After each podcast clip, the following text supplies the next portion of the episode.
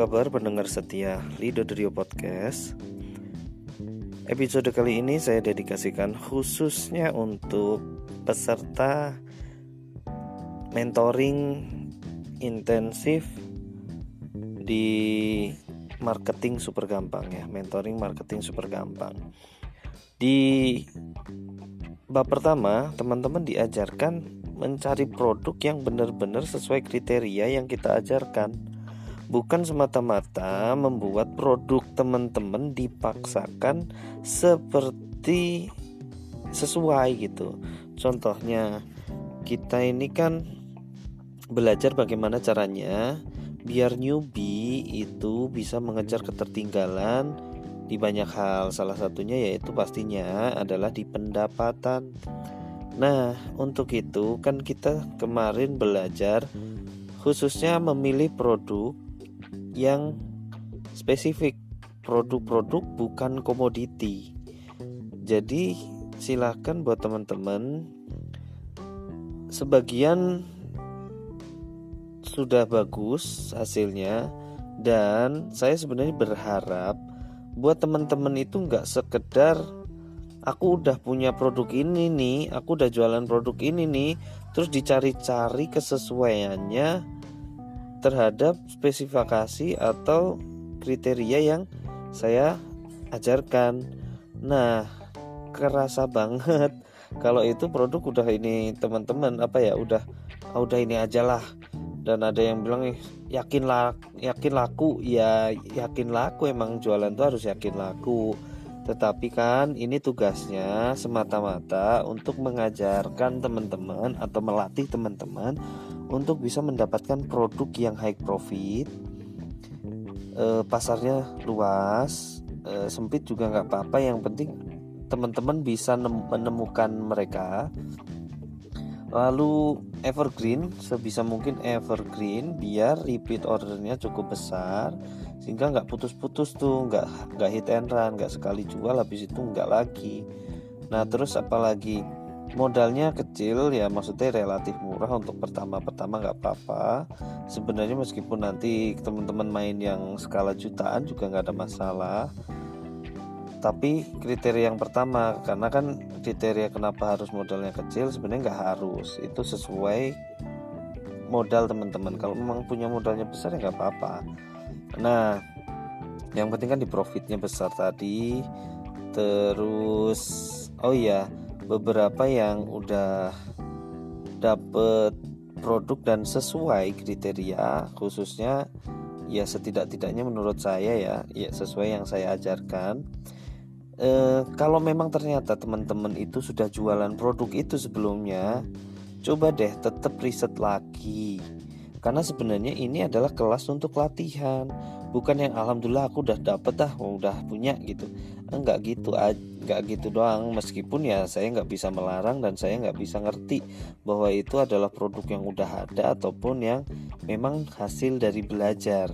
Jadi aku pinginnya teman-teman itu belajar mempraktekkan materi itu. Meskipun nanti teman-teman boleh tetap jualan produk yang teman-teman yakini laku dan memang udah laku selama ini. Itu juga kenapa saya menawarkan secara praktek di level 2 nanti di bab 2 bab 3 membuat penawaran dan e, mempromosikannya, mempromosikan penawaran kita sampai closing itu boleh memilih produk-produk yang udah terbukti laris di kita. Makanya saya menawarkan beberapa produk yang yang kita punya juga kalau teman-teman belum berani riset secara uh, lapangan ya maksudnya riset secara lapangan tuh gini.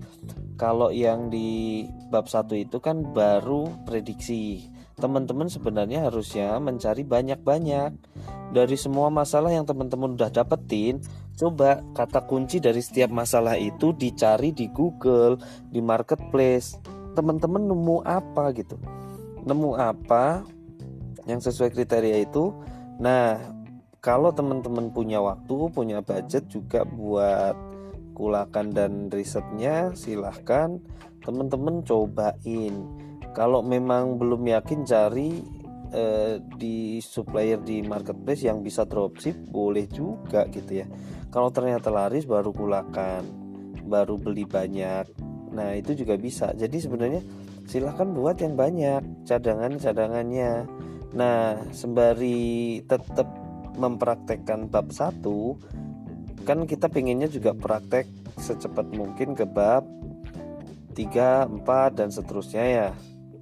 Nah itu teman-teman silahkan kalau mau pakai produk yang sudah ada khususnya kalau produknya eh, kemungkinan kan akan yang sesuai kriteria saya yang saya akan ajarkan itu bagaimana caranya jual produk yang sesuai kriteria yang udah saya ajarkan kemarin. Jadi ya cari yang sesuai. Kalau ya belum punya yang sesuai dan eh, belum yakin dengan produk yang dia yang ditemukan sendiri boleh juga jualan produk yang kita udah udah ya udah ngeli, ngelihat hasilnya gitu dan udah miliaran menghasilkan gitu. Boleh karena memang udah terbukti menghasilkan. Jadi gitu ya teman-teman. Jadi ada produk tuh misalnya tiga ya. Ada tiga sebenarnya jenis komoditi eh jenis produk yaitu pertama komoditi. Itu barang-barang komoditas beras eh, terus kain terus eh, apalagi makanan Nah, kalau mau dicari masalahnya ya sebenarnya semua produk diciptakan untuk menyelesaikan masalah. Makanan itu untuk menyelesaikan masalah lapar. Tapi lapar itu bukanlah masalah yang cukup spesifik sehingga menuntut solusi yang spesifik pula atau solusi yang menghus yang khusus gitu. Nggak bisa banyak nggak banyak solusinya gitu. Semakin banyak solusinya, semakin komoditi dia kalau orang lapar itu bisa ke warung padang bisa ke warteg bisa ke sate ayam bisa ke soto babat bisa ke mana pun nah teman-teman akan bersaing dengan banyak sehingga menciptakan profit besar atau mengambil profit besar itu cukup sangat sangat menantang untuk produk seperti ini. Yang kedua adalah produk tren. Nah, produk tren ini banyak tuh di fashion. Kenapa di fashion? Fashion fashion ini sebenarnya komoditi secara uh, ini ya, secara pokok ya kebutuhan basic need ya, kebutuhan pokok gitu. Teman-teman pasti pakai baju terus gitu, tetapi secara model, desain dan sebagainya itu tren. Di mana kalau tren berarti teman-teman sebagai pemula sih saya tidak menyarankan meskipun nggak terlarang juga, tetapi ya nggak nggak masuk aja gitu kalau buat ngerjain tugas gitu. Karena tugasnya bukan produk yang seperti itu. Lebih kepada produk-produk yang benar-benar ada masalah dan sebisa mungkin solusi itu nggak banyak gitu.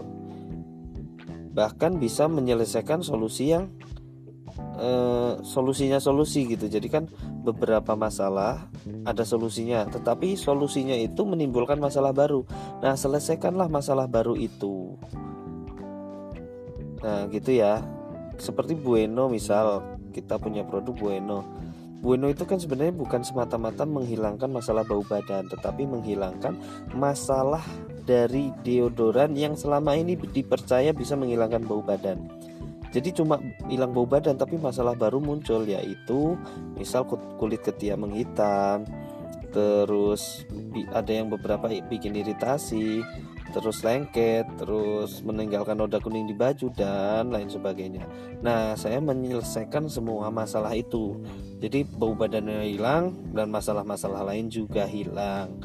Nah, setelah tren barulah produk spesifik yang mana itu masalah sebenarnya eh, jadi kita mencarikan masalah eh, solusi alternatif di mana banyak solusi yang mungkin nggak mempan atau solusi yang nggak eh, nggak murah misal jadi mahal banget Nah, kita bisa mencari celah dari situ. Seperti yang Bueno tadi lakukan atau kita juga menjual sampo anti ketombe yang selama ini sebenarnya banyak tetapi ternyata kita menemukan banyak yang nggak mempan. Akhirnya kita ciptakan yang benar-benar mempan.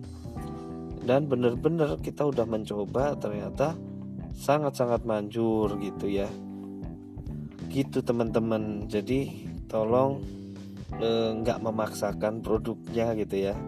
Nggak bukan apa-apa ya. Ini bukan melarang teman-teman jualan apa ya ada yang di masuk ke fashion ada yang di elektronik gadget. Iya mereka mereka sebenarnya yang selalu produk itu diciptakan untuk menyelesaikan masalah. Tetapi yang saya maksud itu masalah spesifik. Oke bahkan sampai kalau teman-teman benar-benar bisa spesifik sekali teman-teman bisa mendapatkan profit yang nggak sekedar 100% karena bagi saya 100% itu kecil. Kalau produknya sangat spesifik harusnya bisa lebih besar. Gitu aja ya teman-teman. Semoga bisa diperhatikan. Terima kasih. Assalamualaikum warahmatullahi wabarakatuh